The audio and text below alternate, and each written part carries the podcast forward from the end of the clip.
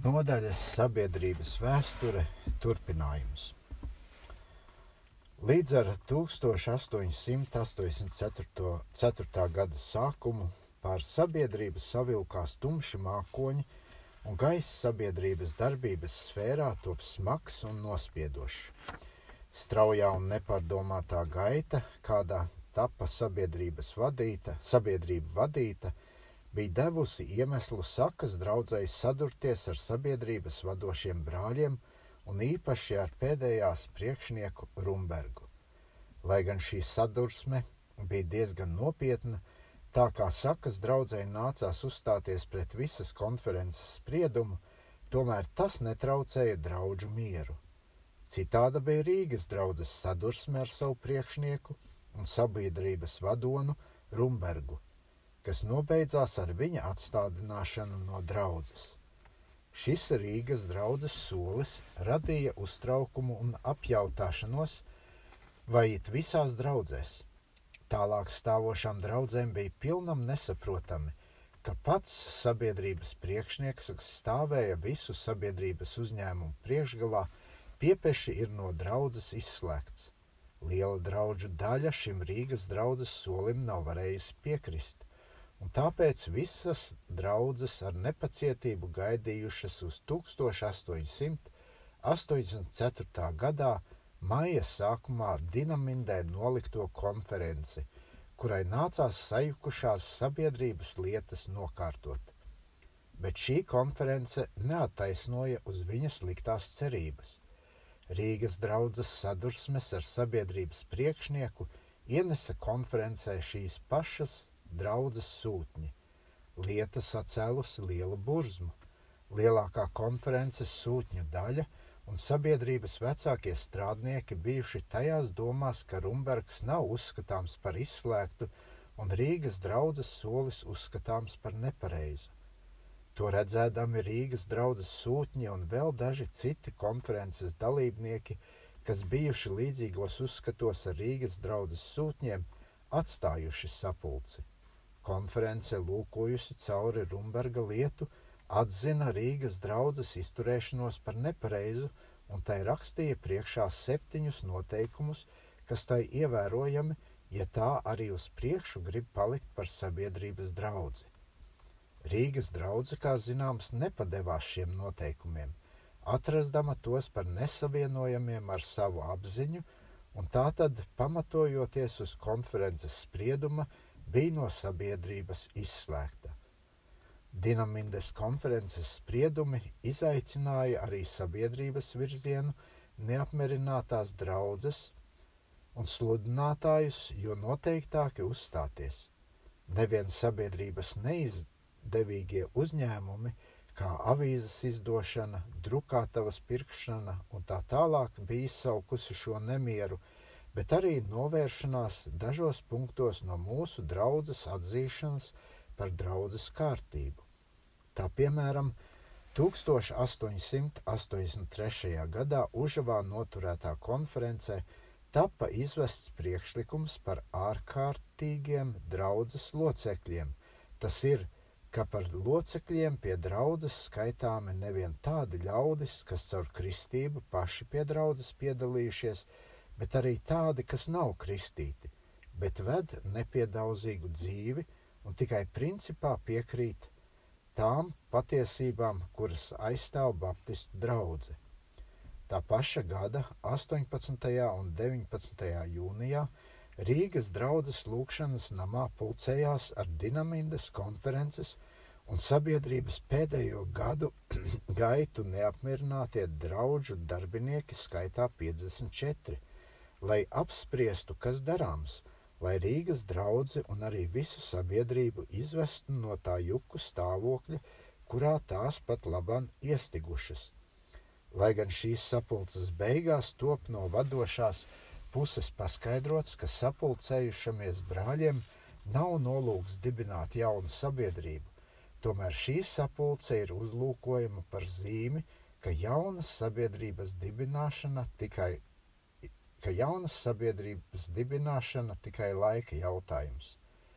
Šajā sapulcē tikuši iztirzāti Dinamindas konferences lēmumi, pie kam konferences spriedums, zīmējoties uz Rīgas draugu, atzīts par nepareizu. Arī jautājums par ārkārtīgiem draudzes locekļiem pārunāts un atrasts, ka šāda locekļu šķira nav pamatota uz svētiem rakstiem un tāpēc atmetama. Beidzot sapulcē izvēlēti no dažādām draudzēm pieci brāļi, kuriem jārūpējas par misioni, līdz kamēr sabiedrība atkal ieiet normālā gaitā. Sabiedrības bailīgo stāvokli sajutuši nevien ar tās vadību neapmierināti elementi, bet arī tie, kas turējās Rumberga pusē, jo caur nepārdomātiem uzņēmumiem sabiedrībai uzkrautie parādi pie lielās nevienprātības kura pat labam bija iestājusies, varēja uzvelties dažām priekšgalā esošām personām. Tā paša gada septembrī to prīgās sasaukta vēl kāda priekšnieku sapulce, jeb koncils, uz kuru no sabiedrības priekšgalā stāvošiem vīriem arī ielūgti trīs vācu brāļi - Bernēķis, Hinskis un Gilcaus. Šīs sapulces mērķis bija nodibināt sabiedrībā mieru, ko sapulce un it īpaši vācu brāļi cerēja panākt caur Rumberga salīdzināšanu ar Rīgas draugu. Šajā priekšnieku sapulcē notikās misionas komitejas un sabiedrības priekšnieka pārvēlēšana. Pēdējā matā tāpa ievēlēts Jēkabs Inķis. Arī, arī Rumberga nesaskaņas ar Rīgas draugu sapulce likās būt izlīdzinājusi, jo Rumbergs vācu brāļu klātbūtnē atzinis dažu savu pārsteigto izturēšanos un apsolījies to, kas tam kā cilvēkam vēl iespējams labot. Bet tā kā Rumbergs arī tikai pie solījuma palicis, tad reiz sabiedrībā ieradusies plaisa tapa ar vienu jo manāmāka. Ar vadību neapmierinātā daļa arī vairs neusticējās jaunievēlētais sabiedrības priekšniecībai – jo pēdējā vēl ar vienu atradās zem bijušā sabiedrības priekšnieka iespaida, kam nebija paprātam vācu brāļu iejaukšanās latviešu lietās. Neapmierinātā daļa atkal, likdama visu cerību uz vācu brāļiem, centās ar bundi nodibināt jo ciešāku sakaru. Nenoteiktais stāvoklis sabiedrībā arī turpinājās pēc priekšnieku sapulces 1884. gada septembrī. Abas sabiedrības daļas lika visas cerības uz nākošā 1885. gadā noturāmo konferenci, ka tā nodibinās sabiedrībā mieru, bet tas nenotikās. Pie konferences sasaukšanas izcēlās nesaprašanās starp sabiedrības priekšnieku Jēkabu Inķi un Liepājas draudzes sludinātāju Jāni Kulbergu, ap kuru grupējās neapmierinātās sabiedrības daļa. Jēkabs Inķis bijis tajās domās, ka sasaucam priekšnieku sapulce, bet Kulbergs bijis priekš pilnas konferences ar draugu sūtņiem. Tā kā Inķis ar Kulbergu nevarējuši šo jautājumu, par šo jautājumu vienoties, tad notikušas abas pieminētās sapulces. Priekšnieku sapulcis sasaucis Jēkabs Inķis jūnijas sākumā Veldā. Uz to sanāca visi tie draudzu priekš, draudžu priekšnieki, kas turējušās, turējušies ap Rumbergu. Kulberga un biedru rīkotā konference notikās saziņā ar vācu brāļiem – no 15. līdz 18. jūnijam sakās, pie kuras arī piedalījās divi brāļi iz Vācijas - Insterburgas sludinātājs Hintske un Karalauča sludinātājs Berneike, kā arī Rīgas vācu draudzes sludinātājs Hermans. Sabiedrības priekšnieks Jēkabs Inķis līdz ar Rumbergu un vēl dažiem draugu priekšniekiem – iesnieguši konferences vadonim Bernēķim rakstisku protestu par konferences sarīkošanu pret vietējās sabiedrības priekšniecības gribu, bet tas netika ievērots. Tā kā vācu brāļi bija tajā pārliecībā, ka miers vienīgi panākams nodibināt jaunu sabiedrību. Konferencē starp citu arī tikuši pārunāti Rumbergas sastādītie un evaņģēlistā nodrukātie statūti priekš latviešu baptistu draudzēm. Šajā statūtu projektā, jeb kā tas evanģēlistā dēvēts kārtības rullī, gan atradās dažs labs, prātīgs aizrādījums, zīmējoties uz draudzes kārtību. Tomēr galvenās lietās bija nomanāma novēršanās no mūsu vispār pieņemtās atzīšanas. Tā piemēram, Pēc jaunās kārtības par draudzes locekļiem uzņemami arī tādi ļaudis, kas nav kristīti, ja tikai viņi principā pieņem baptistu pamata mācības un staigā likumīgi un kristīgi. Sakas konference jauno kārtību atrada nesaskanošu ar Dievu vārdu un mūsu pamata mācībām un tāpēc par nepieņemamu. Tāpat konference atzina par nepieņemamiem Rumberga sastādītos un draugu priekšniekiem dēļ apspriešanas piesūtītos noteikumus par sabiedrības kārtību, tā sauktos pagaidu nosacījumus par Latviešu Baptistu draugu organizāciju. Šie nosacījumi skan šādi. Paragrāfs 1. Latviešu Baptistu draugu sinode gada sapulce tiek sasauktai gadu reizi kurzemē vai vidzemē. Paragrāfs 2. Sinode pastāv iz gubernatora apstiprinātiem draugu priekšniekiem, mācītājiem vai skolotājiem.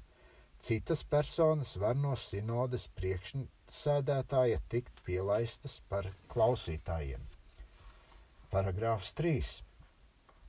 Sinode iz saviem locekļiem ieceļ uz vienu gadu sinodes priekšniecību iz pieciem locekļiem, kas iz savas vidus ieceļ vienu par vecāko priekšnieku un izdala savā starpā darbus. Priekšniecības iecelšana paziņojama vidzemes un kuber, kurzemes gubernatoriem.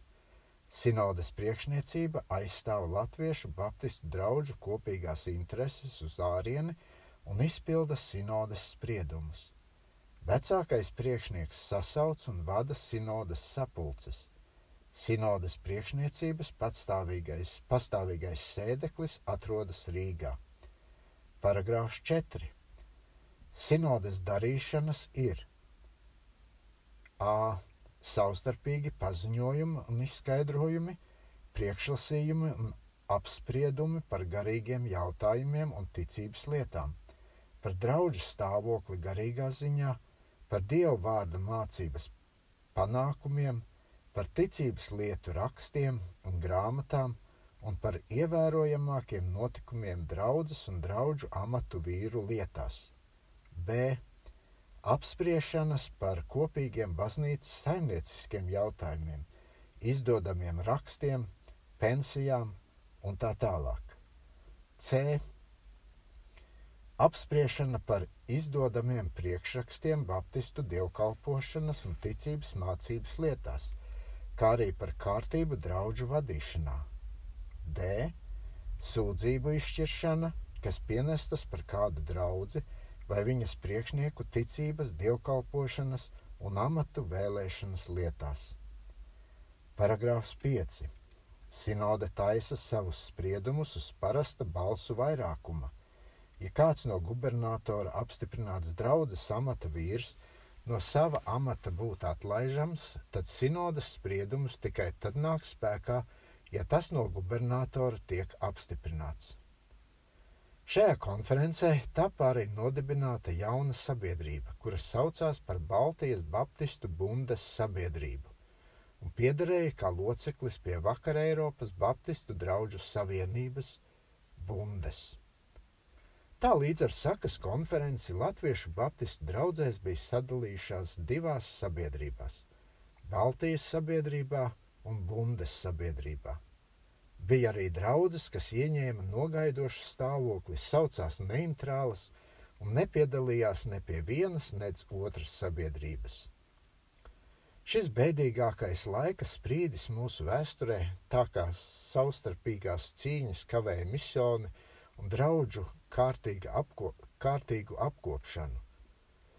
Jaundibinātā bundes sabiedrība sākumā izturējās diezgan šaursirdīgi pret draugiem, kas piederēja pie Baltijas sabiedrības, uzskatīdama tās par izslēgtām draudzēm, kādēļ šo draugu locekļiem neierādīja locekļu tiesības. Baltijas sabiedrība šajā ziņā bija plašsirdīgāka un neuzlūkojusi pie bundes sabiedrības piedarošos locekļus par izslēgtiem. Baltijas sabiedrība turpināja savu eksistenci vēl dažus gadus, pulcēdamās uz konferencēm 1886. gadā Ventspilī un 1887. gadā Veldā, un pēc tam izbeidza savu gaitu. Draudzes, kas pie tās bija piederējušas, pēc sabiedrības iziršanas uz laiku palika nogaidošās, nogaidošās stāvoklī, un tad viena pēc otras pieslējās otrai pastāvošai sabiedrībai. Pēdējā, lai gan lēnām, tomēr noteikti turpināja savu gaitu, uzturēdama ciešu sakaru ar bundi, kura jau mūsu darba sākuma laikos bija rūpējusies par mūsu draugu gaitu un nevienmēr vien bija caur saviem uzticības vīriem, kā Nīmecu, Vīleri, Gilcavu un Bernēķi, palīdzējusi nokārtot un izlīdzināt dažu sarežģītu lietu.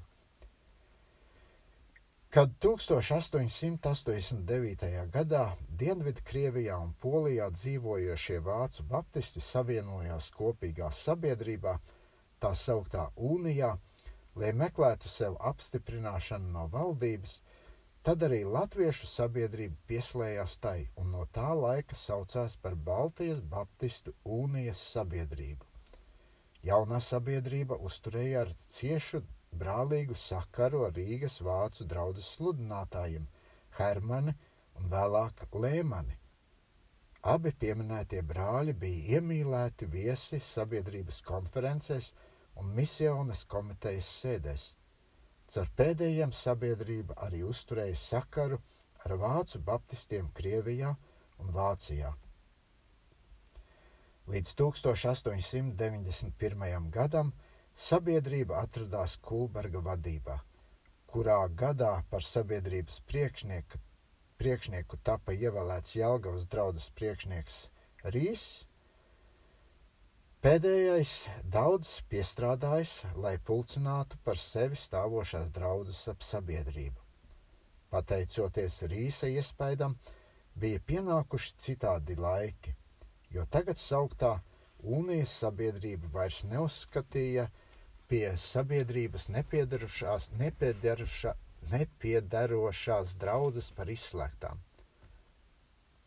Tādēļ konferencē 1893. gadā sabiedrības vadīšana pārgāja Āgenskalna draudzes priekšnieka Freja rokās.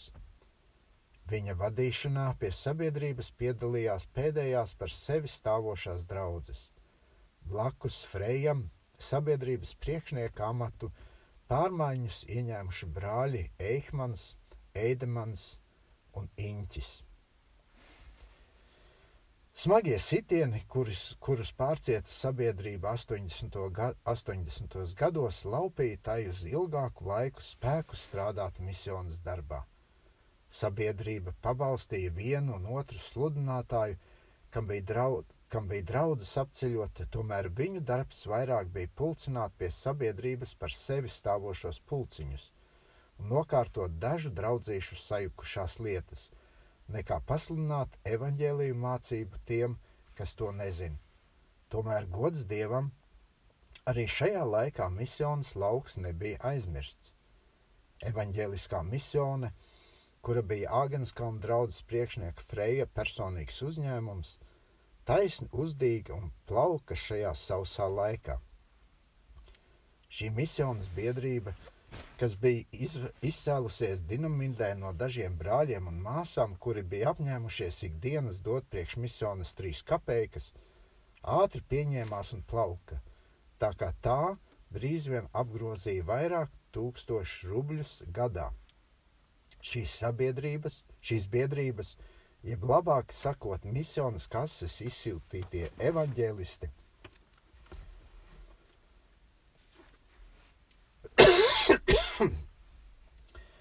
apceļoja nevien mūsu draugus Baltijā, bet arī daudz tādu vietu mūsu tēvijā, kurās mūsu draugu darbs bija gluži svešs.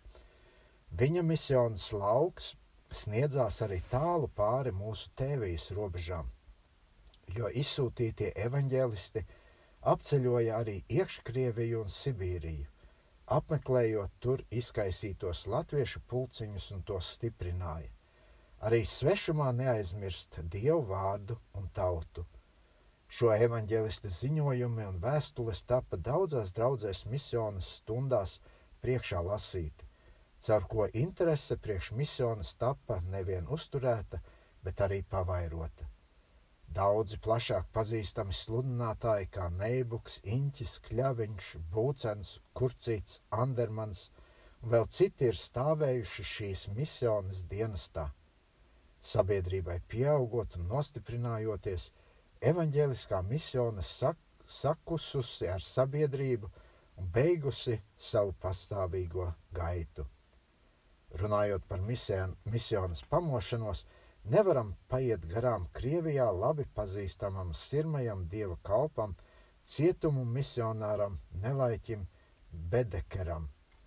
Taisni pašā bēdīgākā un tumšākā laikā, 80. gadu vidū, šis svētītais dievu vārda kalps apmeklēja Rīgu un citas Baltijas pilsētas un pulcināja uz saviem priekšnesumiem tūkstošiem klausītāju no dažādām kārtām.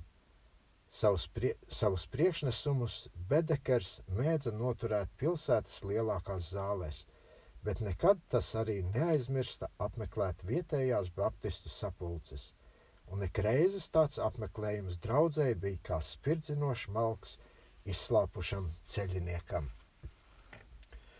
Jo sirsnīgs misionas gars vēlāk pamodās draudzēs un visā sabiedrībā – sākot ar 1904. un 1905. gadu, kad revolūcijas vētra aizņēma mūsu tēviju. Šajā laikā atvērās misionai plašs darba lauks vidzemē. Tas misionas gars, kas spieda mūsu pirmos strādniekus atrast arvien jaunus misionas laukus, likās it kā iesnaudies. Nemieru vētra, kas sāpīgi piemeklēja mūsu tēviju, šo garu no jauna atkal pamodināja. Šajos gados arī radās interese priekš pagānu un jūdu misionēm. Dāvanas pagānu misionēm ar vienu pieņēmās, tā kā radās domas nodibināt īpašu pagānu un jūdu misionas komiteju un kasi. Indijas misionārs Heinrichsa apmek misionāra Heinrichsa apmeklējums 1908. gadā mūsu lielākās draudzēs pamodināja interesi priekš Indijas telugu misionas. Pēc tam sāka rasties pabalsti, kuri caur Latvijas pagānu misionas komiteju uztur Indijā vienu iedzimto sludinātāju un četras bībeles sievas. Reizā ar interesi priekš misionas pamodās arī interese priekš misionas strādnieku, sludinātāju un skolotāju izglītības. Šī interese izteicās iekš tā, ka tapa nodibināta īpaša kase priekš misionas strādnieku pabalstīšanas, kuri centās papildināt savu izglītību - Kristīgu darbinieku izglītības fonds.